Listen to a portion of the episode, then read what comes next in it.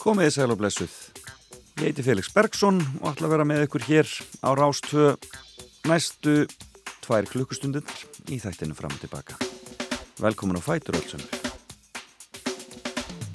Ég ekki segi velkomin á Fætur, kannski er einhverju sem að kúra enn og gott er það e, að kúra á lögutasmotni. Það er svolítið svona, það er hlýtt hjá okkur á landinu okkar e, þessa dagana og þessa helgina e, það er svona sunna, suðurlægar áttir í þessu. E, en e, það því fylgir dumbungur, það er svona þungt yfir þannig að þá er líka ágætt að kúra bara aðeins lengur og hafa það hugulegt njóta haustins, ég vil kveikja á kerti það farið nú varlega samt með eldin eins og alltaf. En mér sýnist að þetta er að vera svona þessi svona, já, svona sæmilegi hlýjendi um, um helgina en svo á mánudaginn þá er hann aðeins að snúast í norðan og, og fer að kólna hjá okkur eftir helgi. Ég minnst okkur á norðanverðurlandinu en við fyrir sunnan, við erum áfram í þessum já, þessum dumbungi og, og svona 5 til 9 stegi hitta já, já, þetta er svona við hefur eins og, eins og það um, ég eiginlega gerist best á þessum ástíma ekki snjóra tröfl okkur. En við hefum skemmtilegan þátt framöndan ég fæ góða mannesku hér í fimmun eftir smá stund það er enginunum Þórun Sigurðardóttir. E, leikhúsmanneskja og, og stjórnandi og kennari. Og ætla að búin að stjórna hennum ímsu listviðburðum í gegnum tíðina listaháttíð og menningarborgin í Reykjavík og öðru slíku og svo náttúrulega átt sinn leikstjóraferil og leikaraferil. En það verður gaman að heyra hvernig fimmann hennar mun líta út hér og eftir. Alltaf gaman að hitta Þórunni Sigurðardóttur eða Tótu Sig eins og hún er alltaf kölluð í leikhúsinu. E, og hún verður hér eftir smá stund en svo eftir nýju þá ætlum ég aðeins að segja ykkur frá því hvað gerðist á þessum ágæta degi 23. oktober og kannski spila einhverja tónlist sem að tengist því Amarisbörnum dagsins en einhverju. Og svo ætla ég að ringja í góðan uh, listamann Helga Raffn Ingvarsson uh, tónskáld sem hefur nú líka komið aðeins við í poppinu en hann er að standa fyrir uh, rafóperu sem að verður sínt hér á Íslandi núna um mánamótin. Og hérna, hann býr í Bræton, ætlum að ringja hann hér á eftir. Uh, ég veit ekkert hvað hann er stattur í heiminum en það kemur í ljós þegar við tölum við helgarafn hér á eftir. En fyrst og næst ætlum við bara að hafa það hugulegt og leifa músikin að tala og áður en ég leipi e, þórunni Sigurðardóttur að þá skulum við bjóða spilverk þjóðana velkomni ég heyrði í útvarpinu bara núna nýverið þið stórkostlega Scandinavian Blues. E, kom heim til mæveg svo lengi úðu ég ákvaða að spila það ekki í dag heldur uh, vera á öðrum nótum og að spila. Nei sko. Lesuð eru ekki alltaf svona stressuð með þér og ég, dreg frá, hún er á 5 minútur yfir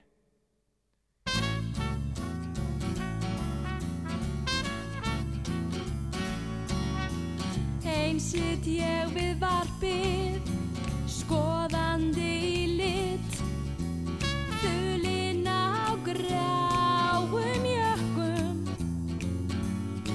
Nei sko, nei sko, nei sko. Nei sko, nei sko. Þeir er alltaf að auglýsa raflöður og tek og svör við allum lífsins gátum Nei sko, nei sko, nei sko Nei sko, nei sko, hvað svo? Jú alltaf á fymtu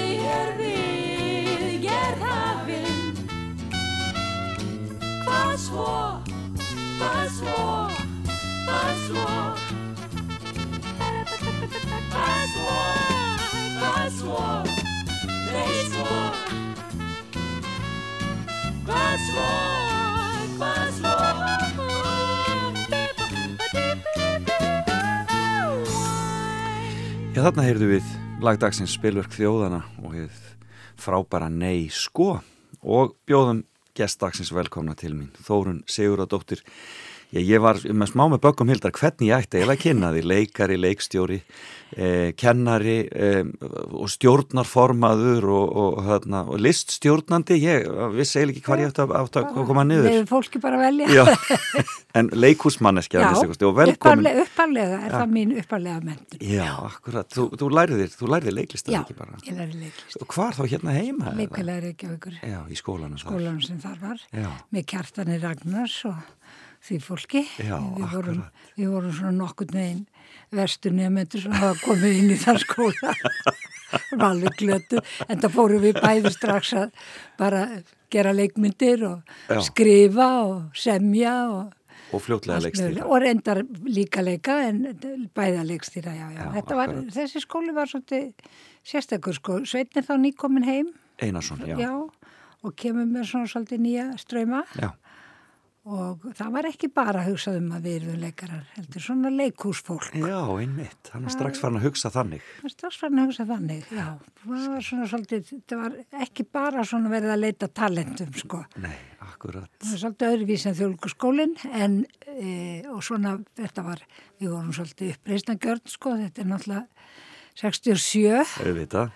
og miklu rippar og, og frekar erfið og svona og hæfir góðu nefndum, maður hugsa Nákvæmlega. oft um það sjálfur þegar maður er að kenna sko að besta fólki, það er ekkert alveg, það auðveldast endilega nei, kannski líka svolítið fólki sem spyr spurningana Já, já, og sem að fer svolítið sína leiðir, Já. maður læri það líka sem kennari að, að leifa fólki svolítið að fara sína leið. Akkurat. Þetta er auðvitað allt svolítið breytt frá því að var, en Sveit var strax svona aðeins farin að, að skinja það að þessi tími, þessi mikla opnun háskólan á þessum tíma allstæðar í heiminum, að hún þurfti auðvitað að ná inn í leikúsi líka Nákvæmlega. og þannig er að byrja hópvinnan og allt þetta þannig að, að já, já, þetta voru góði dagar Þarna, hvers vegna ferða staðin í leikusið? Hvað er, ertu, ertu úr, er, þú ert ekki úr leikara bakgrunni? Nei, það er ekkert, ekkert slíkt í minni en, en mikið, mikið svona menningafólk mm -hmm. foreldra mínir og já, ég hafði bara alltaf einhvern veginn gengið með þetta í maganum. Hvar ólstu upp? Ég er náttúrulega alveg upp hérna í Reykjavík og uh, hafði verið út í Bretlandi svolítið og ég var, fekk, var í mjög góðu starfi hjá já, þegar að ég fyrir skólan og það þóttu nú alveg glata sko ég sagði því bara upp. Svo er starf sem var þannig að maður gæti fengið að fljúa ókeipis já, sem að var á þessum tíma alveg ótrúlega mikil svirði Já. sko bara einangrunin var svo mikil. Einmitt. en ég bara sagði upp til að vera og fólki þótti það algjörlega galið sko, algjörlega galið. Hvað varst að gera hjá loftlega? Ég var að vinna á, í endurskoðunadild og endurskoða allar söluskýslur Já, já, Þannig að það er sko í mér þessi, sko þegar maður fyrir að hugsa tilbaka um æfið sína þá sér maður sko að þessi taug að sita yfir reikningum, já, hún var alltaf þarna. Já, skilurðu. akkurat.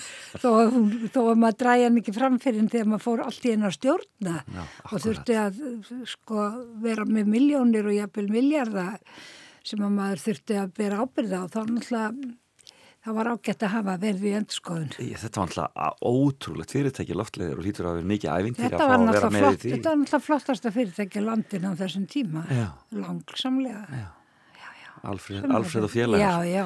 En eh, þú ert með fimmu fyrir mig. Ég er með fimmu. Og ég veit að hún er, hún er leikústengt. Hún er svolítið leikustegn Já. og ég hugsaði mér með mér, langar svolítið að tala um fólk. Já, Af því að maður er svolítið verður mjög upptekinn af því að lífið snýst bara um fólk og það fólk sem að maður hefur kynst og hefur orða á vegi manns og um, auðvitað hefði ég geta tekið nefndu mína til dæmis. um, en þeir eru, sko maður er þá ekki með fjallæðin alveg og maður er ekki alveg með þessa svona maður getur ekki sett á í sama samhengi eins og fólk sem að hefur orðið á eigimanns e, á löngum tíma Akkurat. og ég er sko valdi fimm einstaklingar sem allir eru tengdi sviðslistum Já, og það er kannski líka vegna þess að þetta fólk leimi svo fljótt já, einmitt. og ef ég bara byrja Já, þá ætla ég að hvar- byrja hvar er sá mannesku sem ég veit að þú þekkti líka vel, Já. Bríeti Í Bríði tíðinsdóttir, já. Já. akkurat. og Bríeti, sko ég mann þetta Bríeti fyrst þegar ég var að vinna í bókabú Krón, það er í 17 ára fyrir jólinn Já, Þar var sko Ellingur Gísla að vinna og þetta var svona mikil, mikil menningarstaðu, bókabúkrón. Helga Kress var að vinna þarna fyrir jólin og fleiri og ég man alltaf þegar Bríett kom í Pels, var að koma frá Vín, þar var hún við nám og sko eins og stormsveipur. Svo náttúrulega urðum við mikla vinkonur. já, einmitt. Hva, hvað var mikill aldursmunur á okkur? Já, það er, hvað ætla þessi ekki, tíu ár? Já, hún er sig. Hún er, jú, það er um tíu ár. Það er um tíu ár, já, akkurat. Og Bríet er, og Bríet, og ég ætla að tala um Siggu Hagalin líka, Já, því að hún var líka mjög mikil vinkona minn. Já. Og ég kynntist henni líka ungri því að hún bjó í blokkinni, í lönguliðinni. já, já. Og þá er hún, sko, Sigga var náttúrulega svo falleg að það bara st st styrndi af henni hvað sem hún fór. Akkurat. En þær eru báðar miklir vini mínir og nánisamstagsmenn, ég leikstýrði þeim báðum Já, í stórum hlutverkum og þær eru báðar bara rúmlega 60 þegar það deyja. já, einmitt, allt og allt og ungar. Allt of ungar. En, brí, en byrjum að Bríði, sko, Já, hún, hún, Bríeti- hún er í námi í Vín, já, Hún er í vín þarna í framhalsnámi. í, í leikstjórn þá, eða í leiklist. Ég leiklist, Já. leikúsfræði Já, hérna nú þá sem var einmitt. svona allt mögulegt og svo er þetta bríðet eina af þessum fyrstu konur sem var að leikstýra þannig að maður áttu nú ekki margar fyrirmyndir sko Nei, á þessum tíma. Hvað var það við Bríði sem var svona, Sko það sem var við bríeti var þetta fyrst og fyrst það hvað hún var skarpgreind já, og skemmtileg. já, útrúlega Sko skemmtileg. hún var ekki auðveld manniska og eiginlega ekki, e- engin af þessu fólki sem ég ætla að tala um. Þetta var ekki sko, Nei. þetta var ekki rólega dildin Nei, nei, akkurat. En hún var, og svo var hún óskaplega helstift manniska og svona, hún hafði bara alveg einstaka eiginleika Var hún, var hún augrandi svona í Hún var samstarfi? augrandi, já, já, hún var það. En hún var, sko, leikstjóri eru oft mjög góði við þegar þeir eru að leika við leikstjóran Já. og hún var svo leiðis. Já, Hún var, til dæmis, hún leik hjá mér í haustbrúði, eh, leikrið sem ég skrifaði sjálf og leikstýrði í þjóðlíkusinu og hún leik þar mjög stort hlutverk og hún var, en hún var, sko, hún var alls ekki alltaf góðið mann, skilur, það er ekki þannig. Hún, ef hún var ósamalmanni, þá fekk maður alveg að heyra það og þeir. Og hérna, það, ég kann mjög vel að meta það. Ég, sko, maður lærir það líka að fólk sem að, sem að byrgir ekki endilega inni heldur bara að segja það sem því finnst. Það er oft miklu, miklu betra því þú, það, er- það verður ekki til svona einhvern veginn einhver sandur í samskiptunum heldur, það verður miklu hreinskiptara. já, akkurat. Og þá getur þú bara svarað og þá getur Getur bara svarað og líka bara þetta að segja, sko, mér finnst að þú eigir að hugsa þetta svona en ekki svona. Akkurat, já. Og það er bara svo gott að fá þessa ögrun. Já, akkurat. Sigga var líka þannig en hún var svona samt svolítið öðruvísi, hún var Mhm, mikri týpa. En þær voru mér mjög mikilsverði báðar. Sigga leik líka, hún leik glims á Akureyri hjá mér stórt hlutverk í, í Bernörðu. Æ, já, það ógleymalegt. Eitt af síðustu hlutverkunum hennar og hérna þannig að ég sá óskaplefingi eftir þeim báðum. Já, akkurat. Og Sigga, sko, hún leikstýrði ekki svo mikið. Hún leikstýri lítið en Já, aðeins aðeins, það ekki mikið en Sigga var sko, þetta er líka svo þetta líka spurningum smekk Mhm. sko, þetta er ekki bara spurningum að þessi fólk sem að maður e, deilir skoðunum með á mjög mörgu heldur líka smekk á svo mörgu Já, bæði listum Mhm. og svo bara öllu mögulega öðru lífinu já, einmitt. Og þær voru báðar skarpgrindar og auðvitað hafa steina og og Hrafnhildur líka orðið miklu vinni mínu Já, sko. akkurat, og það er bæði Bríett og Sigga komið heimsækja með því ég var á Spáni og, og, og Steina og Hrafnhildur með og svona þannig Já. að maður á ósalega langa sögu með svo- þeim Þetta verður svona, svona kvenna svolítið- veldi svolítið inn í kvennaveldi, inn í já, leikhúsinu, já. sem er skemmtilegt. Gaman að því. Svo ætla ég aðeins að snúa mér að karlmennu. Já, endilega. Við ætlum að tala um Gísla Haldarsson. Já, blessa, blessa sér minni hans. Gísli náttúrulega var kennari minn Já. í leiklistaskólanum. Le já, í leiklistaskólanum og hann náttúrulega og samleikari hjá leikfélagi Reykjavík Já. En um, fyrst og fremst sko kynnist ég honum eh, sem kennara. Hann var mjög strangur Já, og ímislegt sko sem að tilheyrði þessum tíma, um, hans tíma sem að maður kannski myndi ekki endur taka í dag sem var öðruvísi en, en hann, hann let sig miklu varða okkar svona heill nefndana og hugsaði mikið um okkar og hann gæti verið rosalega strangu við okkur Já. og harður já. Og við vorum öll eiginlega svolítið hrætt við Gísla. Já, einmitt, maður ma sko man eftir því að ungi leikarar það voru svolítið svona, uh, það var svolítið málið að vinna sig inn í náðina Já. svolítið hjá Gísla Haldórsinni. Já, ég sko er ekkert viss um að ég hef endilega gert það með ég var í skólanum Nei. svo mikið en löngu, löngu setna, akkurat í haustbrúði líka, þá vantaði mér leikara í stórt hlutverk. Já. Og þá talaði við Gísla Alfriðsson sem var þjóðlugustjóri og sagði það er bara einn maður eiginlega sem er langar til að fá í þetta hlutverk. Þetta var sem hlutverk landfóketans, Wolf, mjög stórt hlutverk.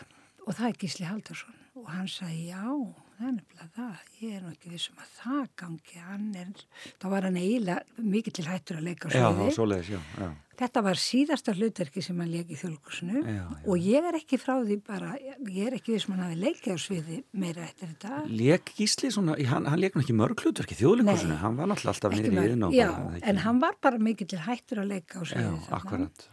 Hann tók þetta að sér og var náttúrulega algjörlega stórkoslegur að hafa í, og fyrir sko ungan leikstjóra Já. og höfund Já, sem var náttúrulega aldrei stór biti já, að hafa manni svo gísla við hliðin á sér sem allir tóku marka á. sko það verður seint þakkað. nei. Hann var alveg frábær og var ofbóðslega lojal við mig og alltaf tilbúin að, að taka þátt í umræðum og öllu, vera með í öllu. Hann alltaf var svo mikill bókamaður og Já. það eiga þau reyndar öll sammeilegt sem ég nefnum hérna. þegar. Gísli sagði alltaf sko leikari, hans geimsla eru bókaskapurinn hans, hvað hefur þú lesið? Akkurat. Það er resonansin, Já, það er hljómbotnin sem þú byggir á sem leikari. já, Það er það sem þú sækir, þú veist það ekki. nei. En sko, leikari sem er ekki vellesin, Mhm. sem er ekki, sko, hefur ekki, sko, þetta, þennan heim bóka í haustnum og í tilfinningunum, hann verður aldrei góðu leikari. Nei, hann á erut með að segja söguna, minn skusti, því að það, það Já, er... Það, og bara þetta einhvern veginn að hafa, hann talaði um þetta sem þennan tilfinningarlega resonans, þennan hljómbott, þetta Já. duendi sem að leikari þarf að hafa. Það þarf að búa eitthvað á bakvið setninguna. Þú bara segir þetta ekki einhvern veginn, Nei, akkurat, heldur, þú veist, og það vitum við náttúrulega allir góði leikari að þeir hafa þetta. akkurat. akkurat, já. Svona þessa, þennan bakgrunn og þessa þekkingu. Já, og þetta, þetta, þetta er næmni líka Já, og einmitt. þetta er heimur, þetta er, þetta er svona abstrakt heimur oft og það er það sem, og óvæntur og þetta er það sem gerir leikara spennandi því að leikari sem gerir alltaf hlutina eins og þú veist að þeir munu, munu, þú veist alltaf hvernig þeir koma Mhm. Hann verður aldrei spennandi leikari þarf að vera þannig, þú veist aldrei alveg hvernig hann ætlar að segja næstu setningu eða hvernig hann ætlar að bregðast við Já. af því hann á svo mikið mörg lítbriði Þetta var Gísli og eins og ég segi, hann var, hann var og hann, Gísli deyr svo, hann er án 70 rúmlega þegar hann deyr. Já, en, En þetta er, og það er tíu svona cirka tíu árum eftir þetta. akkurat. En, það, og hann náttúrulega, minn, fólk minnist hans í dag helst fyrir kvikmyndirnar og kvikmyndirnar náttúrulega bera, bera hróður hans ennþá. Það er gera það, en að sumuleiti og mörguleiti var nautar sín vel í kvikmyndum, en ekki, en svo var hann alltaf svo mikil gamanleikari. Já, einmitt. Manst þetta Daríu Fó, Já, já, ég man einhverjar, einhverjar slíkar síningar. það var algjörlega ógleymanlega. Algjörlega ótrúlega og, og, og, náttúrulega, og náttúrulega síðan bara lesturna eins og góðu döttinsvæg Já, og þetta sem, að, sem að bara lifir Já.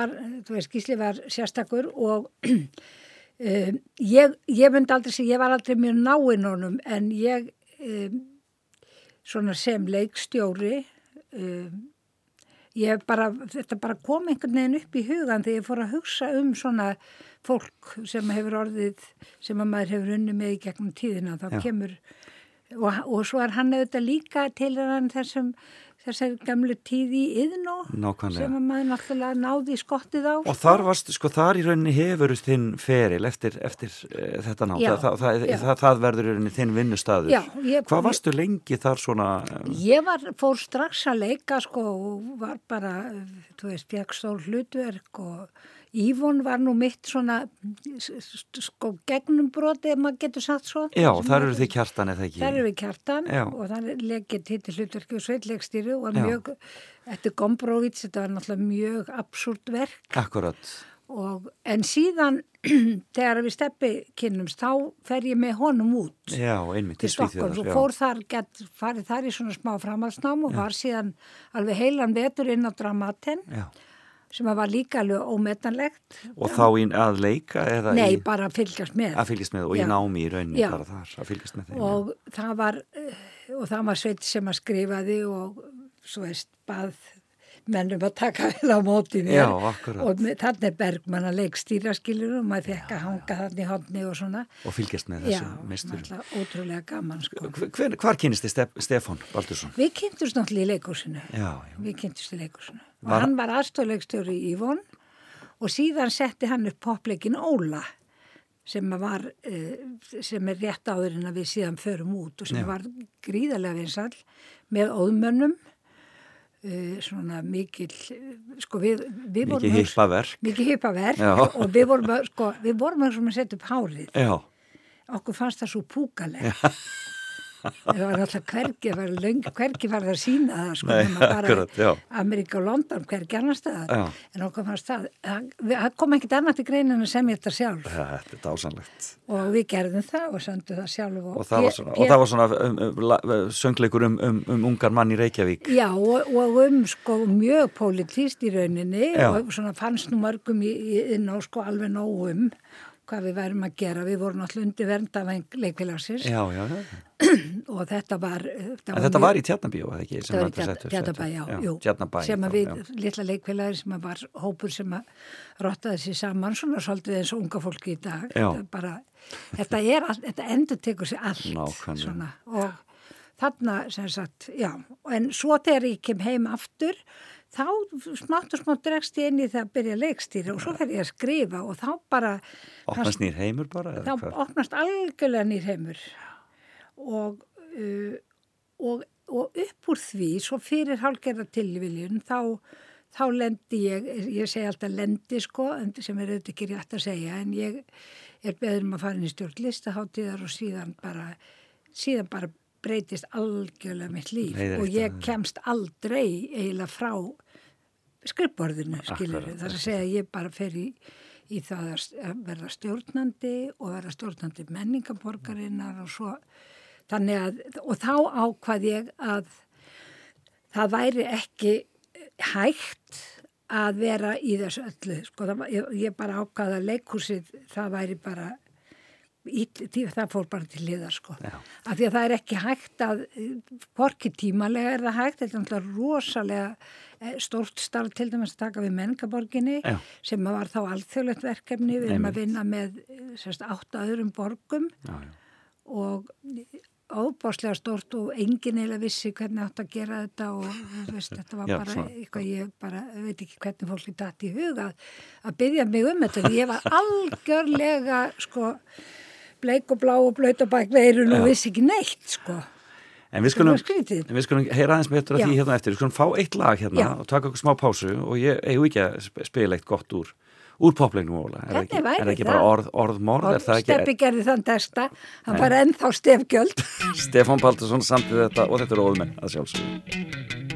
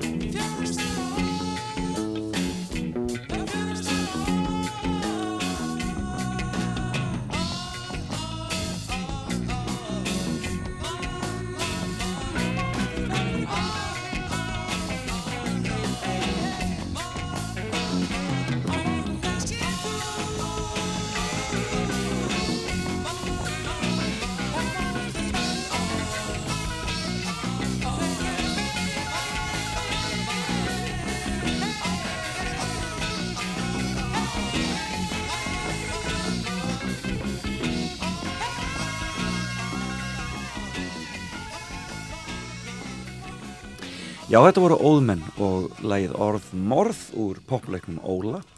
Og þetta tengist viðmælanda mínum sem að setur hér hjá mér sem er Þórun Siguradóttir leikhúsmanneskja. Og e, það var Stefán Baldursson sem eiginmaður hennar sem samti þennan texta þetta er, en þetta er svona, er þetta ekki svolítið ykkar uh, já, svona verki þar sem þið komið saman jú, jú. og verðið par og, jú, og, og, og lífið tekur, tekur nýja stefnu? nýja stefnu, jú, jú, algjörlega sko þannig er það sem við förum til Stokkólms og já. á þessum tíma sem var náttúrulega ægilega spennandi og skemmtilegu tími og mikið að gerast í Svíþjóð og Og, og við erum svona til, Steppi var náttúrulega formaður stúdendafélagsins í Stokkólmu og var mjög harður í stúdentapolítikinni. Í réttindabartunni það. Já, mjög mikið og tók þátt í mótmælum og öllu, hann var sagt frá því. Já ætlaði að taka óperuna þar og svona? Nú, hann, hef, en hann var ekki, ekki sendir á tökunni. Þegar var ekki, það var Jó, ekki já, hann var sko fréttarítar út af síns hann sagði frá því. Hann sagði frá já, því, já. hann var alltaf fréttarítar út af síns hann var alltaf tekið upp í, já, í þessu eina herbyggi sem við byggum í. Það var alltaf beinar útsendingar fyrir ríkisútarfið svona var þetta nú á þessum tíma. við lifðum á því En hvernig var, kynntistu Bergmann þegar þið voru þarna á dramaten? Steppi kynntist honum miklu betur.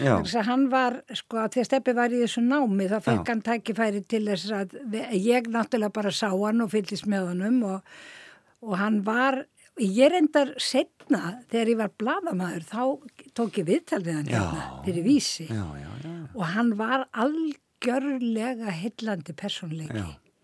Hann er eiginlega alveg óglemalega þegar, þegar þú nefnir þetta. Nei, mitt.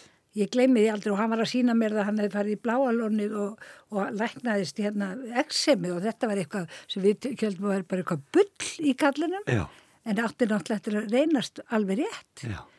Hann var bara alveg samfærið um það hann hefði læknast af eksemi í í bláalónu. Dýtt hendi núni var náttúrulega ekki komið neitt nei, nei. sem var núna er en hann var heillandi persónleiki og hann var auðvitað settið rosalega sterk svipmót á sæns leikus á þessum tíma. Já, og bara og leikus heimsins. Og, og leikus heimsins. En ja. ef ég held, heldum áfram, svo Já, sko, við erum búið með, við erum með þrjá, við erum búið með Bríði Híðinsdóttur, Sýriði Hagalín og Gísla Haldursson. Hver er svo fjörði? Fjörði er Óskar Ingólfsson, klarinettuleikari og sem að var hér í útdarpinu tónlistastjóri á meðan það var.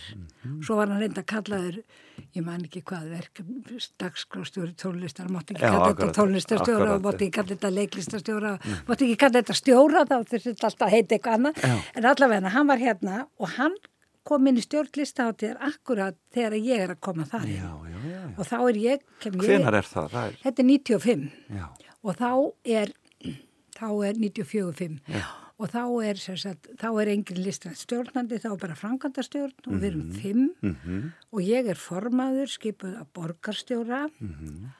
og vissi ekkert í hvað ég var að fara. En þetta er ég ennþá, sko. Ég er ennþá í stjórninni, Já. en ég er ekki búin að vera þetta samfell, sko.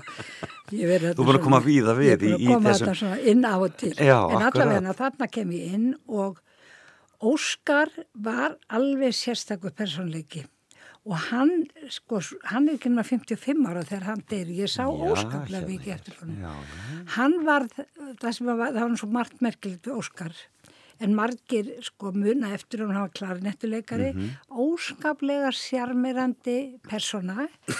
Og af því að hann var svo náttúrulega vel að sér í tónlist, þá var hann auðvitað sko maðarlu mín hægri hönd að því ég þurfti náttúrulega svo mikið á því að halda að hafa einhvern sem að vissi meira en ég Mhm. og það hefur mann alltaf lært að maður þarf alltaf að hafa alltaf svolítið fólk í kringu sig Nákvæmlega. sem veit það sem maður veit ekki sjálfur og kunna að vinna með því og hann var einn af þessum mínum sko nánustu ráðgjöfum og á vissanhátt mentor í sambandi við svona hvernig maður prógramerar tónlist Já. og um, hann var síðan sko sen trúar, hann var búttisti og hann var bara stórkoslegu maður Já. og yndisleg persóna og alltaf og við lendum í miklum hremmingum hjá listáti á þessum tíma Um, það var ekki, já það bara vegna þess að það var, það var að renna sitt skeið bara gamalt kerfi sem að gekk ekki lengur þú veist og þetta var, við vorum politist skipu formin og varaforma Einmitt. til skiptis og þetta, þetta gekk ekki sko, Já. þú veist það var ekki hægt að búa til dagskrá og, svo var alltaf verið að skipta um þetta var bara, þetta var bara mjög flótkið og fjárhanslega mjög erfitt og, og hann, eh, sko, við plottuðum saman við Óskar og svona, hann var alveg frábær. Og þetta var ekki þannig, sko, að þetta væri, þetta, hann væri alltaf jámaður heldur. Nei, akkurat. því að þú ferur líka að læra það, það er rosalega hættulegt þetta fólk sem safna bara jáfólki í kringu sig og það lærir maður líka þegar maður er að stjórna að þú verður að hafa gaggrinendurna nálattir. Já, þá sem hafa aðrar, aðrar skoðanir og bara eru ósamálaðir. Já, og taka bara umræðuna Einmitt. og ég meina ég er ekki að segja við Óskar vorum aldrei alvarlega ósamála, vorum eiginlega mjög sammála en þú veist, maður tók alltaf þessa umræðu og hann var. Og þið breyttuður einu svolítið ásýnd listaháttíðar.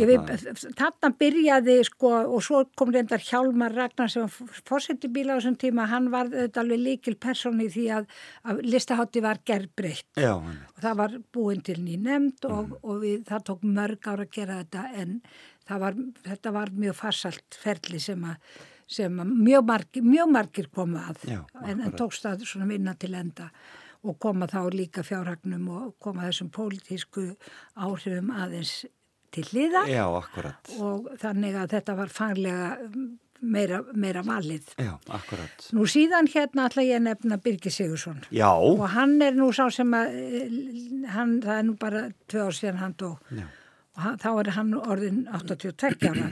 Og Birgir er svona svolítið svipað eins og með gísla. Birgir er svona maður sem að maður var að, svona smá hrættur við Já, sko. algjörlega. Birgir var líka svona, hann var sko ekki allra Já, ég kynntist Birgi aðeins í Edinborg á sínum tíma Já. og það var einmitt að, en hann reyndist svo lýr og, og, og, og dásanlega þegar maður kynntist honum en maður var svolítið hrættur hrættur Já. með hann fyrst, sko. ofsalega, ofsalega helst eftir maður Mhm. en eins og allt þetta fólk sko, hann var ekkit endilega politikali korrekt alltaf Nei, hann hafði mjög afgerandi skoðanir hann átti vini þvert á pólitíska skoðanir og hann var náttúrulega frábær höfundur Mhm. ég þekkti hann ekkit mikið hann er fulltrúi bandalags íslenska listamanna í menningaborgarstjórninni Já, já, já. Menningaborgaræfintýri, hvenar er það nákvæmlega? það byrjar 97 þá ringir Birgir í mig fyrir að stjórna Já, og býður þér að vera með. já sko, hann gæti náttúrulega ekki bóðið hann spurði, Já, myndi það koma til greina já, við erum í vandræðum, það var sérsagt sá sem hafi verið þarna var hættur og við erum að reyna að hugsa þetta upp á nýtt og, og Var þetta 98 eða 99? nýtt, sem- þetta, sko, Eh, er 2000, 2000 er árið sjálft. 2000 er árið sjálft, alveg rétt, já, það er. Það er stóra árið, aldamóta árið, en 97 hringir hann í mig og þá er ég sko nýra listahattíð og ekki búin að stjórna nefni hattíð, þannig Nei. að sko ég bara, ég vissi ekki hvað þetta fólk var að hugsa eiginlega. En, en þau og sústjórn var líka svona samsetta fólki sem var Páll Skúlason heitinn sem að ég hefði nú satt að segja geta nefnt hérna líka, alveg Nákvæmlega. frábær manniska sem var formaður. En Birgir var auðvitað rosalega virkur í þessari stjórn vegna þess að hann var fulltrúi listamanna í stjórninni. Þetta var mjög góð stjórn, ofsalega fólk samt, þú veist, vinsti hægri úr borgarstjórninni Já. og ofsalega fínn hópur. Og, og auðvitað allir orðin meðvitaður um það að tíminn var orðin svo stuttur þannig að sko það þurfti að það þurfti bara að bretta upp ermar og, og setja í gang. en þetta er náttúrulega svolítið sérstætt verkefni því að í raunin er það ekki að fara að halda listaháttíð, þú veist að einhvern veginn að nálgast þetta á einhvern annan máta. Já, við þurftum að gera þetta alveg einhvern veginn hugsa þetta alveg upp á nýtt og síðan þurftum við náttúrulega að vinna þetta í samráði við hinnaborgirna Auðvitað og þannig er þessi Evrópusamskipti komin í gang Já, og, já. og, og Evrópusamraunin allur og, rosalega mikið og mikið verið að setja í menningarlífi í Já, álfinni. sko. og rosa miklu peningar í Já, þessu einmitt. og við þurftum náttúrulega að standa okkur litla Ísland sko Já, og reyna að draga eitthvað af þessum peningum hingað. það var, var engu peningar konir í Davíð Oddsson var fórsetisir á þeirra Já, Ingebjörg Solum var borgarstjóri Björn Bjarnarsson var metamálur á þeirra og ég gekk á milli þeirra sko á þessum tíma. Já, og ég, einhvern tíma munni nú segja þá sögu, Já. hún var mjög sérstök. Akkurat. en þau stóðu öll rosalega vel. Öll svo ólík sem þau þrjú eru. Einmitt. rosalega vel. Og stóð, það stóðst allt sem þau sagðu. Ég sagði sko, ég fór til Davíð sem var fórsettis á þeirra og hann sagði þetta er nú bara á vegum borgarna. Nei, nei, þetta er hérna, hérna brefið, fórsettis áðurinn byður um titilinn. Já, það var bara eitthvað sem enginn hafði einhvern veginn alveg hugsað. Hvað þá að láta sér dætt í huga við erum valin með átta öðrum borgum Nákvæmlega, og skuldbundin til að vera í samstarfi, nákvæmlega. skilur sem við náttúrulega kunnum ekkit rosalega mikið og sérstaklega ekki á þessum tíma. Nei, nei. Og Davíð sagði, já, já hvað hva, hva kostar þetta? Já, ég meina, það er eitthvað ákveða það. Þið hafið þetta bara nóg púkalegt, hafið þetta bara nóg lítið, svo ég þurfa ekkert að gera. Getur getu gert þetta bara svona sem eitthvað deilt frá Noregi, er það ekki upplagt? Já. Nei, það var stóðum ekki. Leist ekki á það? Svo bara var ákveðið hvað er þið sett í þetta. Þetta var bara gert á einum formi degi og allir sagði bara, já, ok, já, láttu þetta bara standast, bara leitur þetta standast. Svo fór maður bara út með eitthvað blað og sagði, já, hvað ég gera hvað, við? hvað, hvað, hvað á ég gera þetta? Akkurat. En svo veist, að gera þetta samt svona að vera ekki með þúsund nefndir Mhm. og þúsund samþyktir hér og þar í alls konar þú veist, í dag myndi maður ekki það var ekki hægt að gera þetta svona. Nei, það var akkurat. ekki, sko ríkisfjármálinu myndi ekki leifa þetta Nei, það var akkurat. ekki hægt Nei. en svona var þetta hægt, tíminn var stuttur Mhm. Og, og svo, svo bara var það að láta þetta ganga og, og þetta gekk og við áttum meiri sé að smá tekju afgang þetta búið, þá byggum við til menningaborgarsjóðin sem að þau settu svo viðbóta peningi þá búið að ganga frá því ef að það verður einhver afgangur sem var náttúrulega gert til þess að reyna að fá mig til að skila einhverjum afgangi þá myndi þau sko ríkjuborg bæta þar við.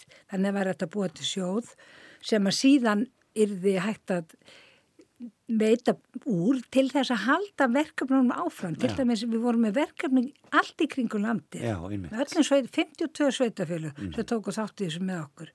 Og þa þar verður til svo mikið af þessum, þú veist, þjóðlega hátíðin á Siglufyrði, þú veist, strandagaldur, allt þetta verður til á þessu ári. Akkurat. Á, á og 2000. sí- síðan gáttu við veitt áfram sko peningu til að halda þessu gangandi. Nákvæmlega. og í rauninni þá sko þessi innspýting sem kemur þarna 2000 hún verður svo óbáslega mikil svirði Mhm.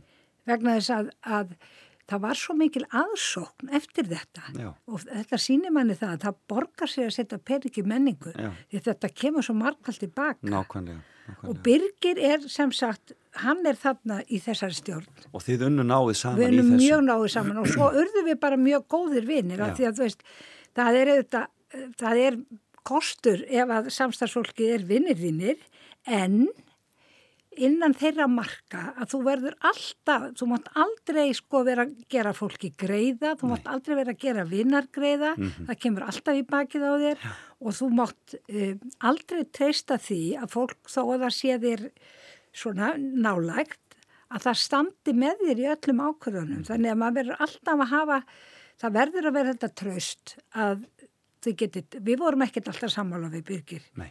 og við tókumst á um eitt og annað en alltaf, sko þegar var búið nániðu stöðu, þá stóðun. Já, akkurat. Og þá, þá var aldrei verið að segja, já, hvað sagði ég ekki, þú veist, eða neitt svoleiðis, sko. Það var Nei, bara, akkúrat. og svoleiðis, svoleiðis heillindi er það sem skiptir svo óbáslega miklu máli Já, í svona vinnu. Um, já, þetta er, þetta, er, þetta er ótrúlega skemmtilega. Gaman að heyra sögur og ég, ég get ekki beðið eftir, eftir þarna, sögunum af því hvernig þetta gerðist allt saman. Eh, þegar, bók, þegar bókin kemur, ég verð fremstur í rauðinni. Nei, nei, þetta, þetta er engin, engin, þetta er bara, þetta er bara svona skemmtilegt og, og svona maður er hérna, þú veist, maður lærir mikið af þessu og, og ég verð að segja það sko að það- menn kvartar mikið undan pólitíku sem ég hef líka, þú veist, átt ofsalega gott samstarfi pólitíku sem úr öllum, öllum áttum og öllum flokkum og, og hérna, en það reyndi þetta sérstaklega á það þarna. Akkurat. Líka af því að þetta var fólk sem að stóð fyrir svo ólíka hluti.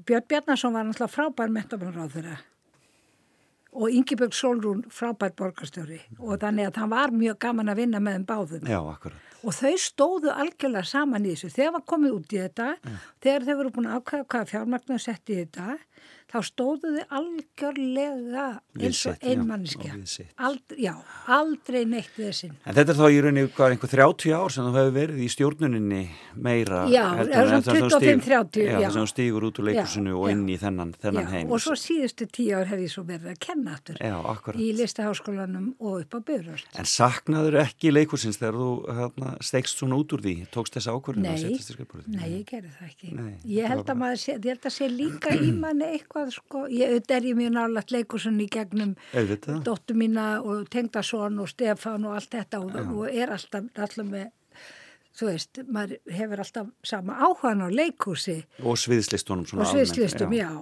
En ég hef aldrei saknað þess og það er kannski í manni sko, þú veist, maður er ekki svo vittlaus að þegar maður er búin að velja og maður hefur tök á að velja, þá náttúrulega er maður ekki að naga sér handabökin, þú veist, það, það væri svo heimskulegt. Akkurat. Og þú veist, ég hafði bara nóg að gera og þetta var bara mjög skemmtilegt og mér fannst þetta eiga vel við mig að vera í þessum stjórnunarstörfum. Mér fannst það ómetalegt að hafa sjálf verið listamaður og unnið og mér finnst ég að finna mun á stjórnendum sem hafa þá reynslu Nákvæmlega. í listum. Það dettur engum í huga að setja til dæmis leikústjóra sem hefur aldrei unnið í leikúsi Nei, akkurat. skilur vegna þess að þú verður, þetta er bara mjög sérstakt, þetta eru sérstök fög, listinnar Já. og þú verður að hafa einhvern veginn kynsteim og það er hafa og hafa sko brunnið á þínu eigin skinni, Mhm. það er svolítið öðruvísi.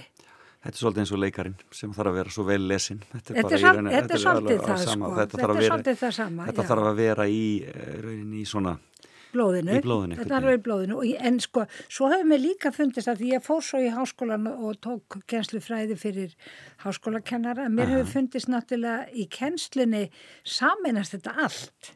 Að því að kennsla er líka svolítið performance sko. og, og ég er náttúrulega verið að kenna mikið af fólki sem er leikarar eða leikstjórar eða er að vinna einhver, einhver staðar í leikhúsi og bæði upp á Bifröst og í listaháskólanum og er, þann, þannig samanist þetta þetta allt og það verður svo mikil endurgjöf því að þetta snýst náttúrulega allt um það að um, sko maður verður að fá einhver endurgjöf í því sem maður er að gera. Maður verður að finna að, að það skilir sér það sem maður er að segja og það beri árangur því að annars er þetta satt að segja algjört helviti að stjórna lis, í listum Já. og missa tök, tökin. Það er ekki neitt sem að maður óskar neinum, ekki sínu versta óvinni Fimmann þín, uh, Bríði Tjeðinsdóttir, Sigriður Hagalín, Gísli Halldórsson, Óskar, hvers son var hann? Ingólfsson. Ingólfsson var hann, Óskar og Birgir og Sigursson Birgir Sigursson. Aldeilis glæsilegu listi. Þórun Sigurðardóttir, kæra þakki fyrir komuna í fram og tilbaka. Takk fyrir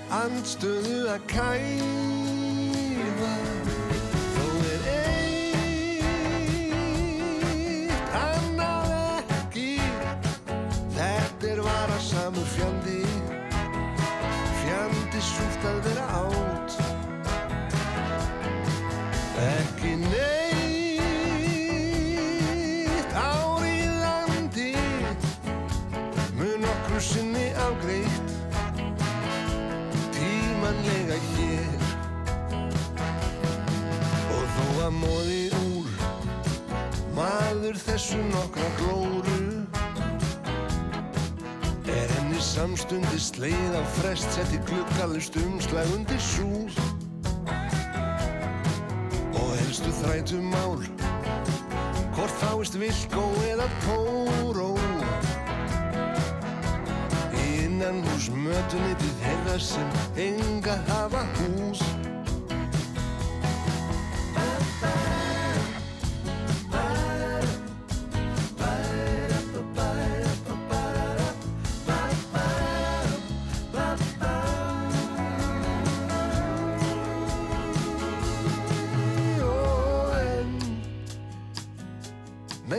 sitja við að þæfa. Þessa ull í algjört hel vinur þvalur ertum þér viti menn hvort er það köllun eða kæfa? Þá er eitt annað ekki víst er það vara samur fjandi fjandi skýtt að vera átt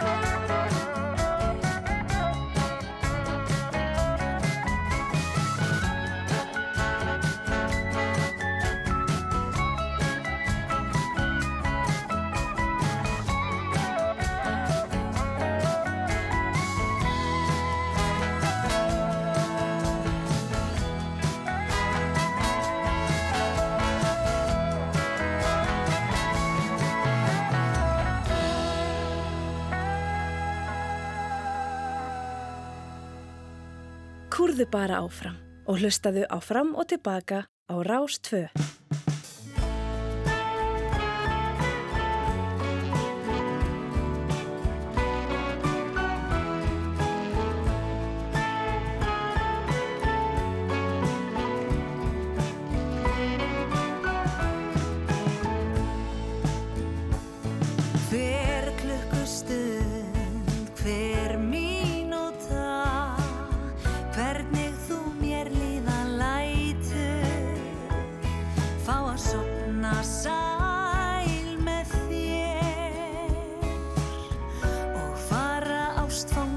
fætur. Hvernig þú gáir út um gluggan Hvernig ljósið fellur á því Hvernig þú drekkur þitt kaffi. Hvernig þú horfir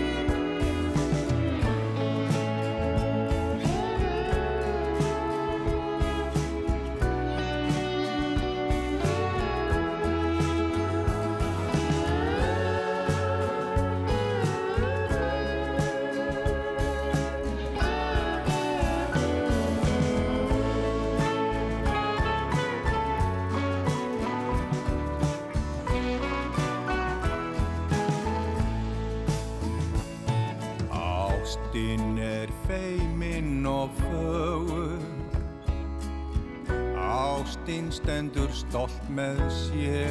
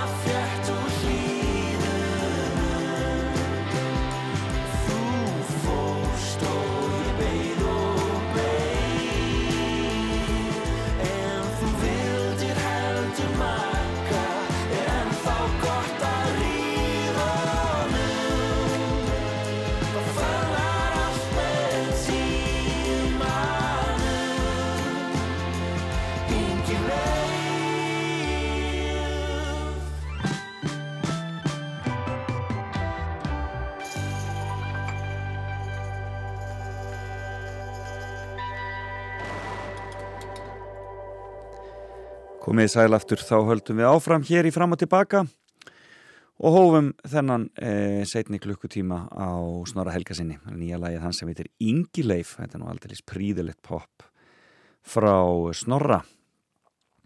E, ég vonaði að hafa það gott hvar sem þið eruð, e, gaman í morgun að heyri í henni Þórinni Sigurðardóttur og fimmuna hennar, það voru fimm manneskjur sem voru þar og allt saman svona sviðslista manneskjur, Bríði Tíðinsdóttir, Sigriður Hagalín, Gísli Haldursson, Óskar Ingólfsson og Birgir Sigursson allt saman manneskjur sem hafa kvart okkur en höfðu gríðarlega áhrif á menningarlíf þjóðarinnar og á þórunni sem að satt hér í morgun. Já, það er magnað hvernig eh, hvað,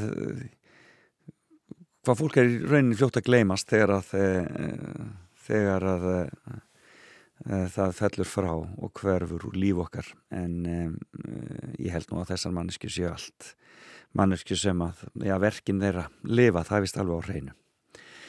En e, hér á eftir alltaf ég aðeins að skoða það sem gerast þessum ágæta degi sem er 23. oktober og eigum ekki að byrja bara á að heyra hér lag sem tengist því aðeins?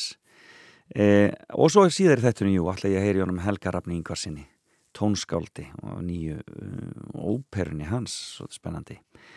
Meirum það hér á eftir en e, Ég ætla að spila lag með Proclaimers eh, ég var alveg að missa mig. Ég uh, komst að því að eh, söngverðin Al Jolson sem að var svona uh, mjög umdeildur amerískur litáskur listamæður og uh, kom til dæmis eh, fram í myndinni The Jazz Singer. Eh, hann hann lést á þessum degi 2003. Uh, uh, oktober og uh, en ég myndi eftir að hann hafi eitthvað komið fyrir í einhverju lægi Allt Jólsson og það var Hulda sem að vissi þetta hjálpaði mér og það rifiðast upp að þetta voru Proclaimers sem hefðu sungið um Allt Jólsson í þessu príðilega lægi sem að heitir I'm on my way Við heyrum svo annað lag og svo förum við að skoða það sem gerst á teginu.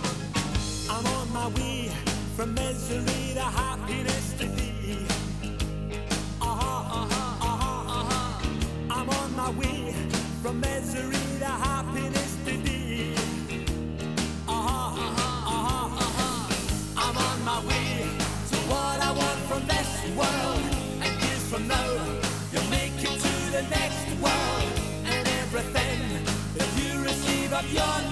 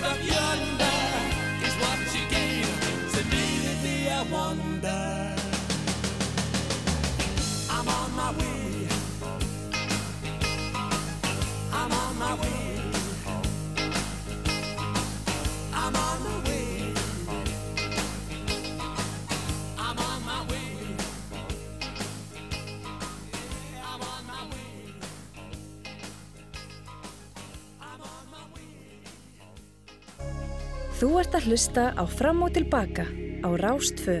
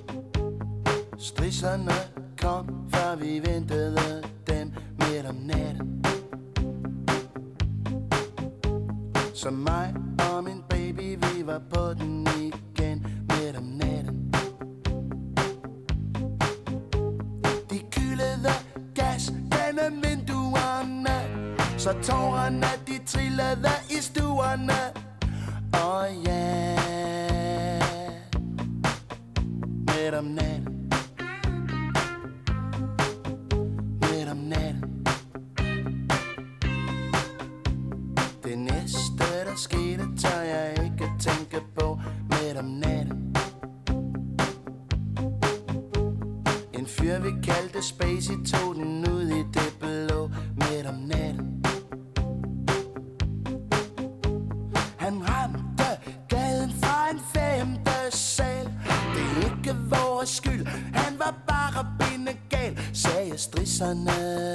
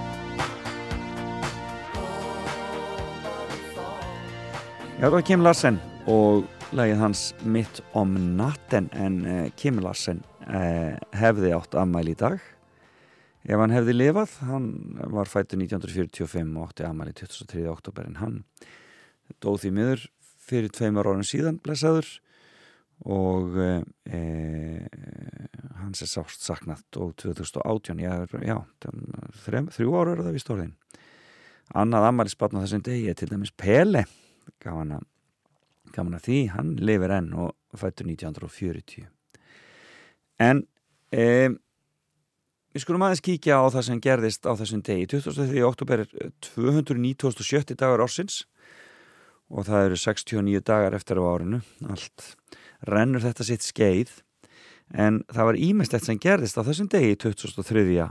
oktober og e, e, og til dæmis ein, eitt svona líkil eitt líkil dagur í, í, í ástandinu á Írlandi e, var árið 1641 Írska uppreisnin er það kalla þegar írskumælandi íbúar Ölster réðust gegn enskum landnemum og drápu þúsundir þeirra. Já, þetta er búið að vera svona barátta á Írlandi alla tíð, alla tíð. En uh, rennum okkur aðeins nær okkar, okkar tíma 1728 E, þá laug brunanum mikla í Kaupmannahöfn en þá voru brunin um 30% borgarinnar. Úf, það hefur verið erfiður oktobermánuður í Kaupmannahöfn. Förum síðan inn á 20. stöldina, samband íslenska berglasjúklinga eða SCBS var stopnað, það er kannski ekki allir sem vita fyrir hvað SCBS, maður þekki bara hattrættið, en þetta var sagt samband íslenska berglasjúklinga, 1938 var það stopnað og bandarinska teknimyndin Dumbo var frumsýnd á þessum degi árið 1941. Árið 1955 var reist stitta af hérni Valdimarsinni við verkamannabústæðina við Ringbröð í Reykjavík.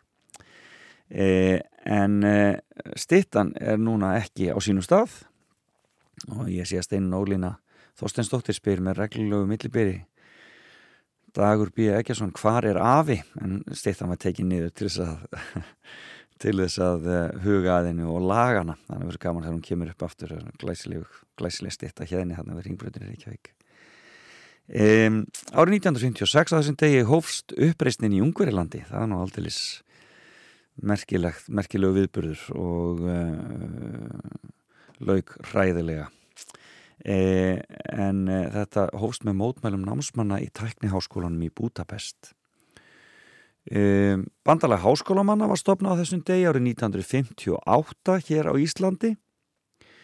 Og e, e, á Söðarkróki var tekin í notkun á flugvöllur, Aleksanders flugvöllur á þessum degi. Og þetta var þá lengsta flugbröð á Íslandi utan keflaugulfugvallar Stórmerkilegt E, síðasti keisarin, stórmynd Bernardo Bertolucci, hún var frumsýndu þessum degi árið 1987 og Íslendikar unni síðan 11 verðlun á heimsleikum fatlaðara í Seúl í Suður Kóriðu á þessum degi árið 1988 þetta var frá 15. til 23. oktober og þarna unni við til þess gullverðlun bæði Haugur Gunnarsson og Lilja M. Snorradóttir skemmtilegt Og það áttum við vel við að ungverja lísti við stofnun líðveldis á þessum degi árið 1989. Þá voru liðin þarna 33 ár frá atbyrðunum hræðilegu e, e, þegar uppreysnin hófst þar 56 og e, já, stórmerkilegt mál allt saman. E, náttúru og umhverjasvelun Norðurlandarás voru veitt í fyrsta skipt á þessum degi 1995 og réttarhöldin yfir O.J. Simpson hófust 1996 munið eftir þeim sirkus öllum saman. Þetta hósta þessum degi 1996 það var nú meiri villisann já hérna hér. Það gerir, já, þetta er bara maður á ekki. Já, já, það er eins og það er. Kvikmyndin Fokkin Ómól var frumsýnd í kvikmyndahúsum í Svíþjóða þessum degi 1998 svo myndi átt að aldrei eftir að slá í gegn og koma Lukas Mútisson á, á kortið og svo var það eh, Vá er sem yfirtók rekstur flugfélagsins Iceland Express á þessum degi árið 2012 og ég held að ég láti þetta nú bara næja því sem gerist á deginum. Já nema þarna 2012 þá var kvikmynd frumsýnd e, í e, London. Frumsýnd, það var e, kvikmyndin Skyfall, það var James Bond mynd er ekki komnar tvær síðan en uh, Skyfall var semst frumsýnd á þessum degi 2012 og eigum við ekki að heyra í Adele. Kemur manni alltaf í gott skap þetta frábæra lag. Skyfall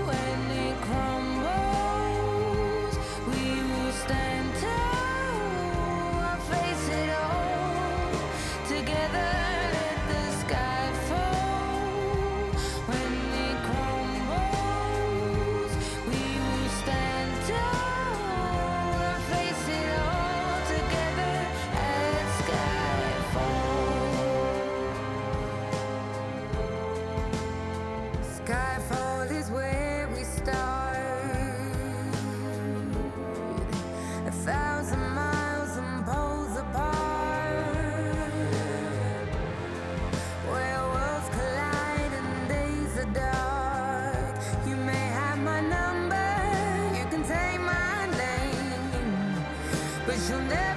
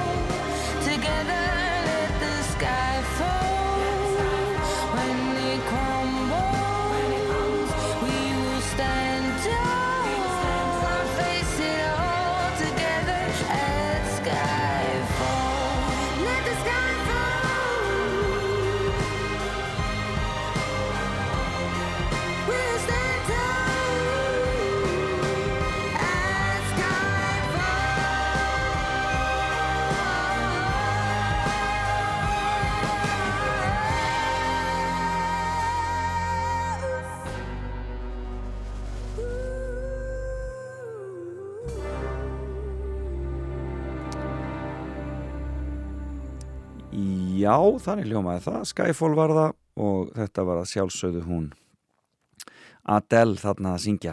En eh, ég var aðeins verið að skoða ammælistagana en líka svona þá sem að eh, létust á deginum svona þegar ságátlinir á mér.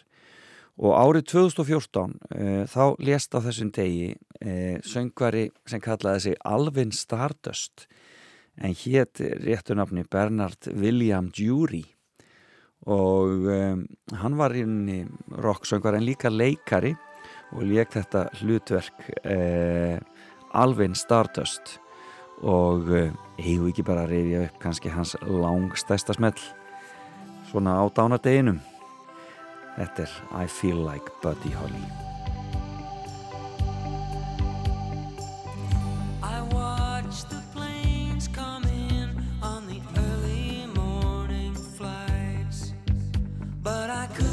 stand.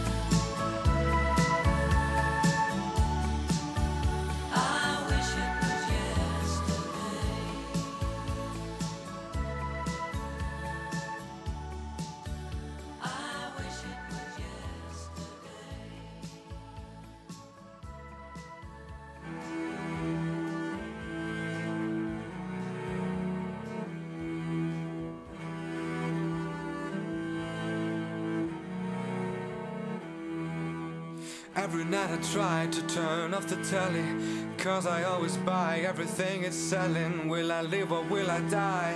There's no telling. Baby, they don't want me to be free. They don't ever seem to stop their yelling. Half the time I find it too compelling. You really don't need no fortune telling That baby, they don't want me to be free don't caress me, don't possess me, stop holding. I am folding, I don't love you, I'm above you.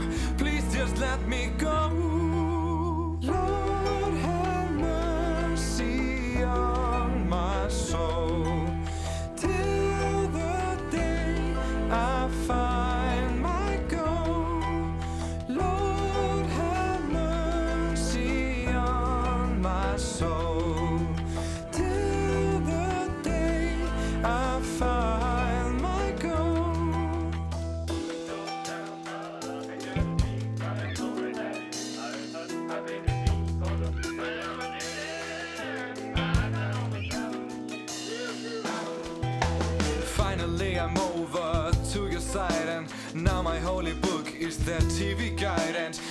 Told, I wonder if you lied, but baby, don't you ever set me free.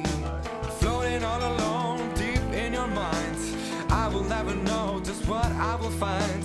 It doesn't really matter, I am blind, so baby, don't you ever set me free to caress me, to possess me. Keep on holding,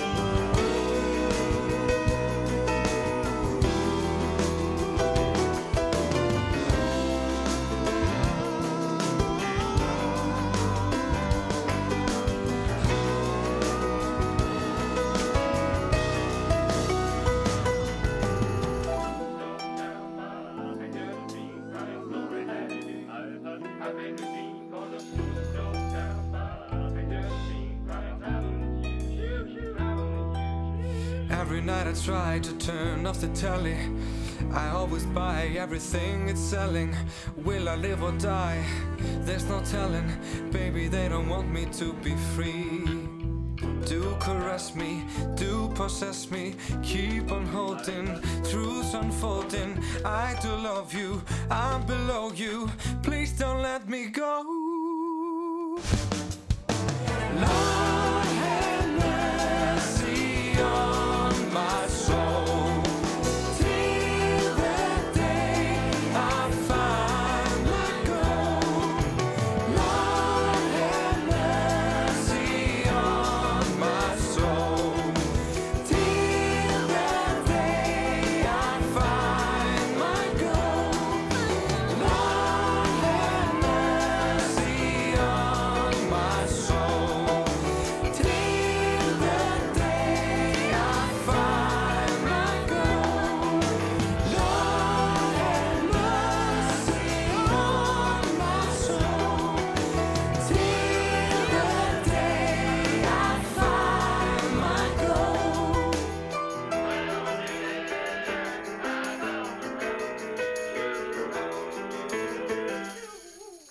Þarna heyrðum við í Helga Rafni Ingvarsinni og uh, eitt gamalt og gott úr hans ranni sem heitir Urban Hymn. Alltaf gaman að rifja þetta upp og ég segi bara kom til sællu blessaður og góðan að blessaðan daginn. Góðan blessaðan daginn, takk fyrir. Þetta er alltaf gaman að rifja upp Urban Hymn. Þetta er, þetta er orðið ansi mörg ár síðan þið voruð að gera þetta. Þú var ekki Karl Olgesson sem var að vinna þetta með þér. Jú, hann var hérna að pródusera þetta lag og rosalega gaman að vinna með honum. Þarna og fá þessa svona fjögur selló sem undirleik, óvinnilegt, óvinnilegt sound en svolítið kúl. Sko. Akkurat. Þetta, sko, á þessum tíma varstu svona að gæla við það að verða popstjarnar, var það ekki? Já, það var svona gaman að dúlla sér í þess. popstjarn, ekki popstjarn, maður veit það ekki, en það var allavega gaman að hérna, að hérna, fá að gera þetta plötu og, og syngja þessi lög og vinna með flottum tónstamönnum og, og einmitt verið með tónleika í borgarleikusum og svona. Þetta var svona ævintýri sem að manni þykir að slá vænt um. Já, varst ekki, sko, þú hafðir svona slegið í gegn í, í svona raunveruleika þætti sjónvarpið það ekki? Var það ædolið eða? Já, það var hérna fyrsta serían af ædolinu Akkurat. og hvaða ár var nú það? 2002, 2001, eitthvað svoleiðis, kannski 2003, eitthvað svoleiðis. Já, akkurat. Og hérna komst þarna í loka tíu hópin í, hérna smáralindinni og aftur bara svakalegt ævintýri og það býra svo mörgum góðum minningum Einmitt. og nú bara um daginn var ég nú bara að gruska í einhverjum gamlum blöðum og það finn ég svona gamla teikningar við fórum í kringluna að skrifundi plakkut og svona á meðan serið var í gangi og þá voru börn að koma eftir manns og gefa manni svona teikningar af sér og, og mér saman á sviði og rosalega dýrmætt að að dýrmættar gjafir sem að maður finnur í dag og þykir vænt um sko. Já, gaman að heyra, en gaman að heyra. Já, en þú, en, en, það, en poppið varð ekki, þú varst ekki langlífur þannig að í poppinu heldur ákvæmst að fara bara að læra klassikina, það fer, fer í tónsmíðar eða ekki bara reynlega í kjálfærað þessu eða hvað? Jú, það var svona mjög fljótlega eftir. Maður var svona, hafði það áhuga á söngnum og vildi fara lengra með það. Hann ég fór í söngskólum í Reykjavík og lærði hjá Margreði Bóasar Já, í nokkur ár. Hún hefur nú aldeilis hjálpað mörgum á svona fyrstu, á þeir, þeirra vegferð. Algjörlega og ekki, og ekki bara söngurum heldur bara svona í, í bransanum bara þeim sko svona kona baku tjöldin, virkilega mikill orkubolti sko. Já, já, akkurat. Og síðan fer ég sem þarna einhver eftir, eftir þessi 2-3 ár sem ég er þar, þá, þá fer ég í listaháskólinni í tónsmiðar og, og þetta svona bara veltur upp á sig einhvern veginn, maður er ekkert með eitthvað enda markmið endilega, maður bara svona lætur áhugan svolítið draga sig áfram. Já, akkurat. Ekki um annað að ræða í rauninni í þessu, e, þessum erfiða bransa. En, Það er svolítið henni, sko. En, en, en nú ertu, sagt, þú ert búsettur, ég veit ert á Íslandi núna, en þú ert búsettur í Englandi, er það ekki rétt hjá mér? Jú, ég bý hérna í Brighton, Suður Englandi. Já, já. Svona mikill listabær og, og hérna strandabær. Einmitt. Ertu með fjölskyldu þar eða? Já, ég bý þar með konunni minni. Já, einmitt. Og, uh, og, og hvernig, já, líður þér vel á Suður Englandi? Rosalega vel. Þetta, þetta svæði á mjög vel við mig, sko. Veð, veðrið er mjög gott og, og hérna, ég næja búa mig til líf þar sem ég hef tíma til þess að skrifa tónlist og, og vera í rauninni uh, svona frílands tónlistamæður í fullu starfi sem að er rosalega þakklátt og ég finnst ég vera mjög heppin með það, sko. Já, akkurat. Er konaðinn eitthvað í músikinni líka eða svo leiðis? Já, hún er flautuleikari og já, já, já. Spilar, spilar mikið inn á plötur fyrir hljómsættir og, og hefur nú líka komið fram Kaput og Simfó. svona einu sinni Ok, tvisvar. já, já, já. Þannig að þið eru sem sagt svona í rauninni, þið eru svona að lifa, lifa lista lífið þarna í rauninni. Já, reyna, reyna að lifa drauminn, sko. Akkurat. Og þú ert að, en, og- en, en ást, ástæðan fyrir að ég er að ringi þið núna er þessi nýja raf-ópera sem þið eruð að fara að setja upp núna eh, um mánábæti. Hva, hver er munurinn á óperu og raf-óperu? Góð spurning, ég er svona að kalla þetta rafóperu út af því það eru svona ákveðin, það eru nokkra senur þar sem að raftónlist tekur við og býr svona til aðra hljóðheima og svona söguheima þar sem það á við. Já, já, já.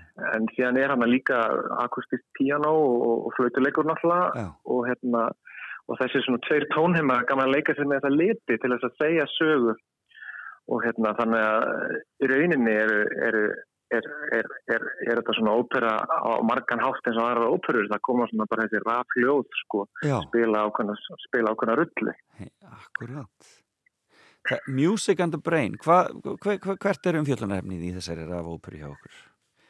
Hún er byggð á bók eftir Oliver Sacks sem er breskur svona tauðafræðingur, bók eftir hann sem heitir Musicophilia. Mhm. Hann skrifaði líka bók sem að margir kannast við uh, maðurinn sem hjálpa kona sem var í hattur. Alveg rétt, akkurat. Já, rosalega skemmtilegu penni Já. og skrifar svona eh, í skemmtilegum stíl sem er svona hálf fræðilegur, Já. hálf mannlegur, þannig að maður þarf ekki endilega að vera einhver sérfræðingur til að lesa þetta, en, en Musicophilia allavega sem að við byggjum verkið á er svona alls konar smásögur af tónlistarfólki sem hefur lent í slisi, uh, andlegu helst svona líkamlu, einhver, einhvers konar, konar áraugstrum við heilan, einhvers konar uh, slisum og, hérna, og það hefur áhrif á það hvernig það upplifir tónlist og hann er svolítið að fjalla um þetta. Þetta eru stórkostlega merkilega sögur. Það er hérna maður sem, sem er ekki tónlistamæður og verður fyrir eldingu og, og hérna hann er spæns, spanskur maður og hann hérna þegar hann er búin að ná sér þá, þá dregst hann að píanónu og fyrir að spila og verður koncertpíanisti bara á mjög stuttum tíma. Það breytist eitthvað hérna í heilanum sko. Já, hérna, hér, já, hérna. Og síðan er söngkona sem að lendir einmitt í höfuð áverka og, og hérna er mikil söngkona og fræð og, og síðan eftir slísum hún bara ná sér þá hættur hún að skinja tónlist eins og hún gerði áður og hættur er henni að geta komið fram út af því. Þetta og þetta fannst okkur eitthvað svo óperíst að, að fjalla að gera síðan verk þá sem byggir svolítið á þessari sögu. Já. uh, að, að það sé sem persóna í óperunni sem hefur lett í þessu út síðan alltaf gengur óperu út af það að fólk segir sögu með því að syngja. Og hvað gerist ef að einn personan er með þetta uh, þennan áverka? Já, hérna, hér og, og þá er er sagan svo að læknirinn er hérna að reyna að hjálpa henni í gegnum þetta og hún er sjúklingurinn. Og, og hann er mikil aðdáðandi hennar og er hérna með upptökur af henni frá því þegar hún var fræg. Já. og, hérna, og hans svona tónefni er svolítið svona melodist og, og fallegt og, og hefðbundu og síðan kemur hún og er að reyna að þjá sig og þau eru að reyna að tengjast einhvern veginn og hún áði miklum erðuleikum með þetta og og hann er að undirbúa sig fyrir uh, fyrirlestur og er að byggja upp af því og vil verða svolítið frægur heldur svona sérstakt case. Og hérna en síðan náttúrulega endar þetta svona á því að þau er að ræða svona eðli tónlistar og reyna að átta sig á því hva, hvað er í gangi. En, en er tónlistir líkamlegt fyrirbæri, er hún tilfinningalegt fyrirbæri? Og það er náttúrulega ekkert eitt svar við þessu. Nei, nei, auðvitað ekki. Og verður svolítið svona heimsbyggilegt á vissum tímapunkti. Já. Og maður vil kannski ekki gefa alveg upp hvernig þetta endar sko Nei, en þetta er svona. Þetta er spennandi, En þetta, þetta er þetta svona- hljóma mjög já. spennandi en eh, sko þetta er, þetta er þá ópera fyrir hvað tvo söngvara eða og kór eða Já. það eru tveir söngurar og svo er hérna pianoleikari Antonia Hevesi og, og Helen Whittaker á flötu og hún er svona líki í rafljóðum og svo er ég með rafljóðin þetta er svona kammer uppsetning og hverji syngja? Það er Gunnar Guðbjörnsson, tenor, hann syngur læknin, reynslu bosti og, og, og rosalega öflugur og flottu söngari. Mm -hmm. uh, Þorgunur Anna Örnólfsdóttir, hún er mezzo-sopran og hún er hérna svona af nýri kynslu, þegar maður má segja svo, hún er að koma og námi í kaupmannahefn og er svona farin að sé það þessi í því að flytja frumflytja verk sem er ákveðin hæfileiki, sko. Einmitt. Og rosalega flottur talent og góð leikona. Frábært, hljómar vel. Og þið eruð að fara frumsýna þetta bara núna um mánaðamótin og hvar allir þið að, að sína? Já, þetta er, í, þetta, er í, já, þetta er í nýju húsnaði hérna við í hérna, flugvöldin í Reykjavík. Já. posthúsið Skeljanesi 21 þannig Skerja garðunum heitir það ekki. Húsin hérna sunnan við flugvöldin Já, einmitt og það er þetta að finna hlekka á þetta hús á tix.is fólk leitar bara að Music and the Brain og þá finna leiðbynningar til að komast að. Þetta er svona frátt svolítið svona gamalt gamalt svona versmið húsnæði þannig að það verður svolítið til svona ekstra dramatísk stemming og við getum gert svolítið eitthvað svona svolítið öðruvísi sko heldur en ef maður væri í leikhúsi. Þetta hljóma dásanlega Pósthúsið heitir það og er þarna, er þarna við flugvöllin og fólk, eins og þú segir, fólk getur fundið út úr þessu á tix.is Óperan heitir mm -hmm. Music and the Brain og mikið af flottum talentum sem að koma þarna við sögu Ætlið þið að vera áfram heima eða hva, hva, hvernig, hvert likur leiði næst hjá þér? Já, þetta er svona hálfgerð vinnuferð til Ísland. Já. Það er gaman að fá tækifæri til að koma heim einmitt og hitta vinnu og fjölskyldu og svo förum við bara aftur út til hérna, út til Breitón og, og lífið heldur áfram þar. Já, akkurat. Þegar vona okkar fyrsta barni, þannig að við fáum vonandi að vita kynist þar að við komum aftur út í, í ómskoðun. Spennandi. Það er mjög spennandi. Æði skengið. Ég er bara óska til hamingju og óska til hamingju með óperuna svona fyrirfram.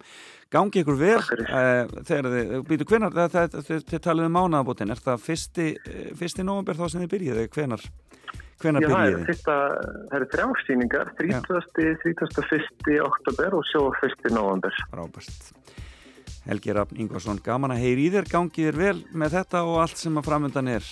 Gaman að heyri í þér. Takk, takk hella, sem að leið. Bless, bless. Bless, bless.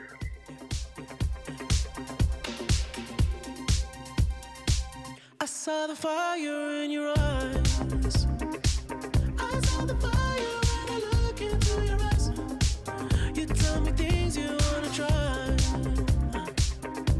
Temptation is the devil in disguise. You risk it all.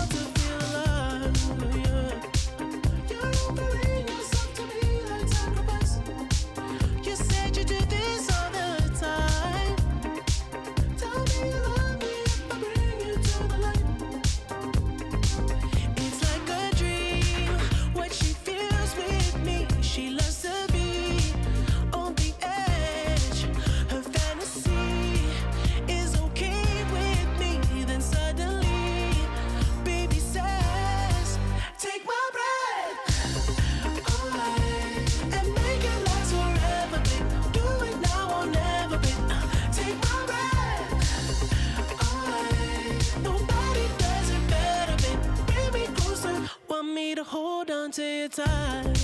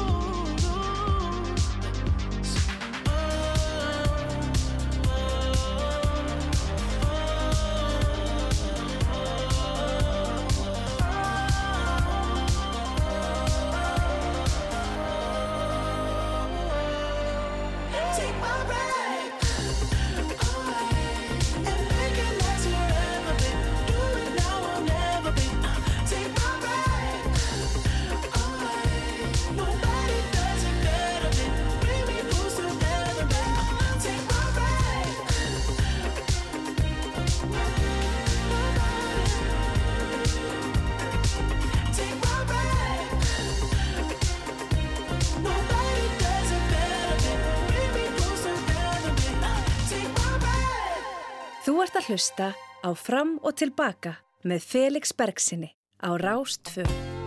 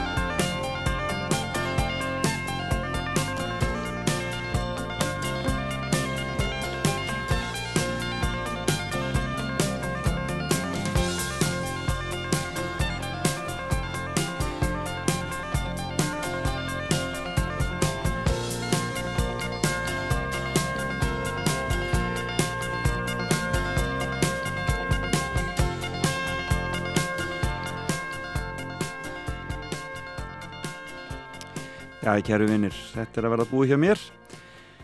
Þarna heyrðum við í Fleetwood Mac og lagið var Gypsy.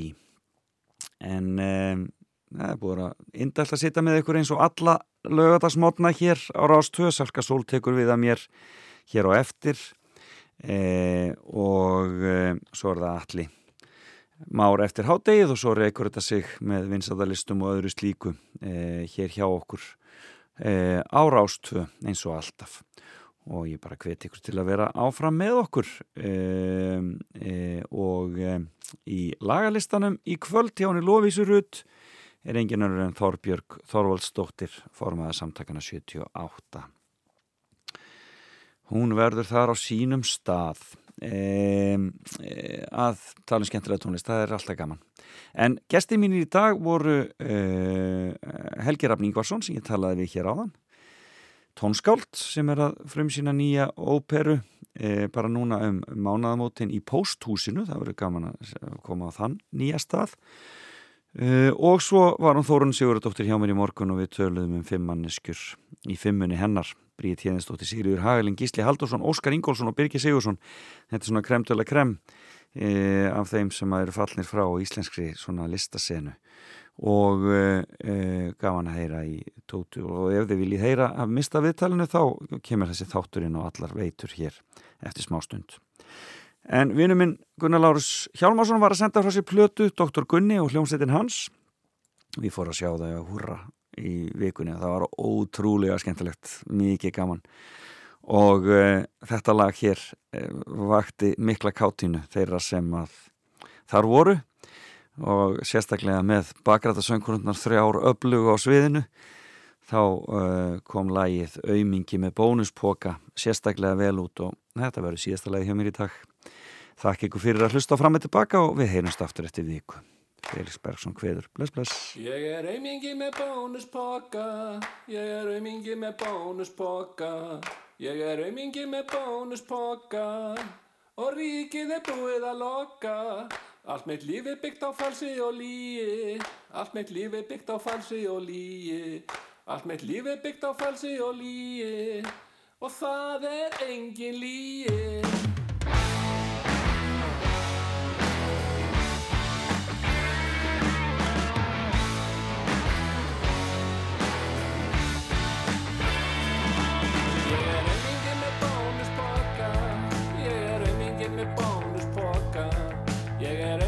aumingi með bónuspoka Og ríkið er búið að loka Ég átti konu, hún fór með öðrum. Ég átti konu, hún fór með öðrum. Ég átti konu, hún fór með öðrum. Svan er að megast með öðrum Í dæli smá peningi spila kassa Í dæli smá peningi spila kassa Í dæli smá peningi spila kassa Og gluggum slegin trassa